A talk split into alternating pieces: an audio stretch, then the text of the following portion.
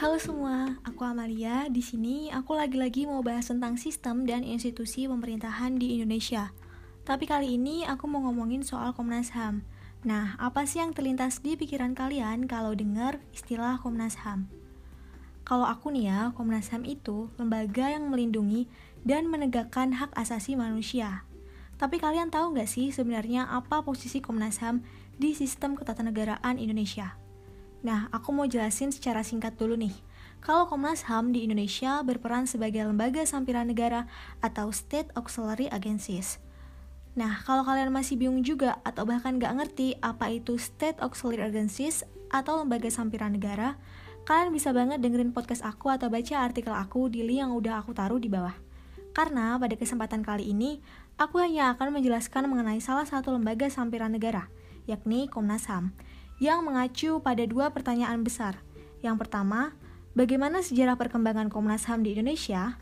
Lalu, bagaimana hubungan antara Komnas HAM sebagai lembaga sampiran negara dengan pemerintah? Jadi, penegakan hak asasi di Indonesia telah mengalami perkembangan, mulai dari masa Orde Lama hingga masa reformasi seperti sekarang ini. Pada masa Orde Lama, suasana pemerintahan masih diselimuti dengan perjuangan revolusi, sehingga beberapa peraturan dalam undang-undang dipegang oleh kekuasaan eksekutif.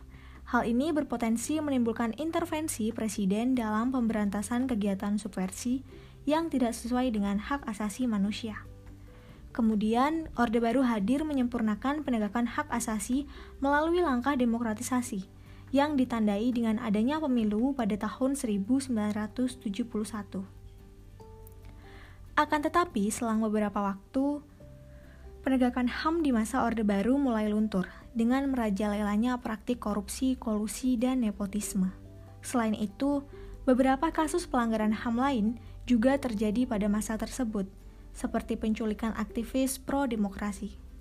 Padahal, di masa Orde Baru, pembentukan Komnas HAM sudah mulai tercium keberadaannya dengan adanya keputusan Presiden nomor 50 tahun 1993 tentang Komnas HAM akan tetapi, dasar hukum tersebut diperkirakan tidak mungkin dapat mengungkapkan semua bentuk pelanggaran HAM, karena Komnas HAM tidak mempunyai kekuatan dan mandat untuk menangani kasus-kasus pelanggaran HAM yang terjadi pada masa itu. Hingga pada saat rezim Orde Baru runtuh dan masa reformasi mulai terbit, penegakan HAM pun mulai ditingkatkan. Hal ini dilihat dengan dipertegasnya dasar hukum yang mengatur tentang hak asasi manusia – yakni Undang-Undang Nomor 39 Tahun 1999 tentang HAM. Undang-undang tersebut juga mencakup peraturan tentang Komnas HAM sebagai lembaga yang menegakkan hak asasi manusia. Artinya, pada masa reformasi, Komnas HAM memiliki dasar hukum yang lebih mengikat daripada masa sebelumnya. Dipertegasnya dasar hukum tersebut juga menjadikan Komnas HAM sebagai lembaga negara yang memiliki posisi sejajar dengan lembaga negara lain. Tetapi, dalam melaksanakan fungsi, tugas, dan wewenangnya, komisi ini harus memberikan laporan kepada Presiden dan DPR. Sehingga, dari segi pertanggungjawaban, komisi ini berada di bawah Presiden dan DPR. Seperti yang dijelaskan sebelumnya, Komnas HAM memiliki hubungan erat dengan lembaga negara lain dalam menjalankan fungsi dan tugasnya terutama dengan lembaga eksekutif dan lembaga legislatif. Jika diuraikan satu persatu, hubungan Komnas HAM dengan lembaga eksekutif terletak pada dasar hukum pembentukan awal Komnas HAM, yakni Keputusan Presiden Nomor 50 Tahun 1993. Adanya keputusan Presiden tersebut menyebabkan Komnas HAM secara vertikal berada di bawah lembaga yang membentuknya, sehingga dalam bekerja Komnas HAM diawasi oleh Presiden. Karenanya juga, Komnas HAM bertanggung jawab menyampaikan laporan tahunan mengenai tugas dan fungsinya kepada Presiden, serta menyampaikan rekomendasi atas kasus pelanggaran HAM. Hubungan Komnas HAM dengan lembaga legislatif pun tidak jauh berbeda dengan lembaga eksekutif. Mulai dari keberadaan Komnas HAM yang dipertegas melalui produk legislatif, yakni Undang-Undang Nomor 39 Tahun 1999, lantas menciptakan hubungan antara Komnas HAM dengan lembaga legislatif. Relasi yang terjadi antara Komnas HAM dengan lembaga legislatif dapat dilihat dari pemberian fungsi dan tugas oleh lembaga legislatif yang dituangkan dalam Undang-Undang Nomor 39 Tahun 1999. Selain itu, DPR juga berperan dalam pemilihan anggota Komnas HAM sebelum diresmikan oleh Presiden, dan juga menerima laporan tahunan mengenai fungsi dan tugas dari Komnas HAM. Maka dari itu, kedudukan Komnas HAM dengan DPR secara vertikal juga berposisi di bawahnya, karena dalam menjalankan fungsi dan tugas, Komnas HAM diawasi dengan lembaga yang mengeluarkan undang-undang, yakni DPR. Akan tetapi, dalam menjalankan fungsi dan tugasnya, Komnas HAM belum bisa dikatakan efektif karena eksistensinya masih mengandung sejumlah kelemahan. Karenanya, terdapat beberapa poin yang dirasa perlu dikuatkan agar Komnas HAM dapat menjalankan tugas dan fungsinya secara efektif. Pertama, dasar hukum pembentukan Komnas HAM hanya menjadi bagian dari pengaturan UU lain, bukan diatur dengan UU khusus. Hal ini menyebabkan Komnas HAM tidak memiliki hukum yang mengikat ketika menangani sengketa kewenangan konstitusional di Mahkamah Konstitusi. Kedua, meski Komnas HAM bersifat independen, tetapi beberapa persoalan mengakibatkan Komnas HAM seakan-akan kehilangan independensinya.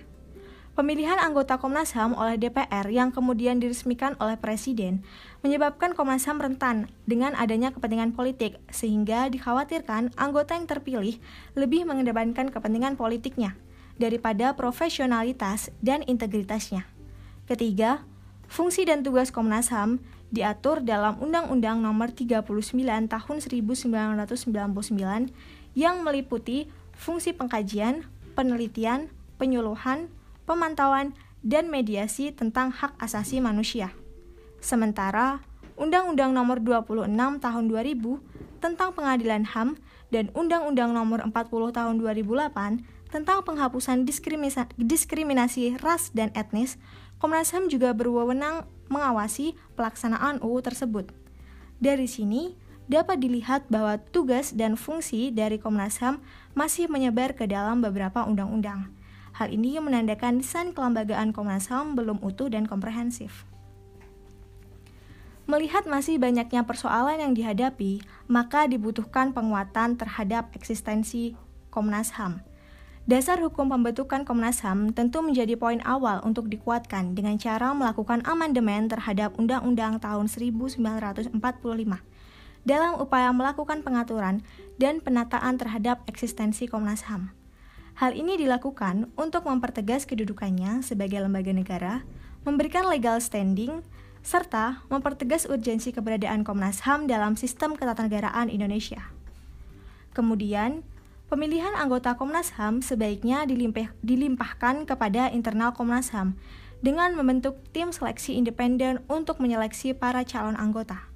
Adanya seleksi ini diharapkan dapat melahirkan anggota yang profesional, berintegritas, dan berkualitas, sehingga dapat meminimalisir adanya kepentingan politik di lingkup Komnas HAM.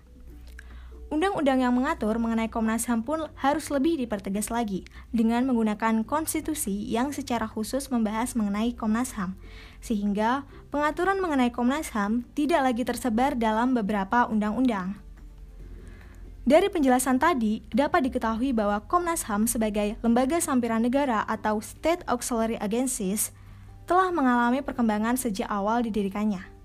Dalam menjalankan fungsi beserta tugasnya pun, Komnas HAM masih memiliki hubungan dengan lembaga negara lain, seperti lembaga eksekutif dan legislatif.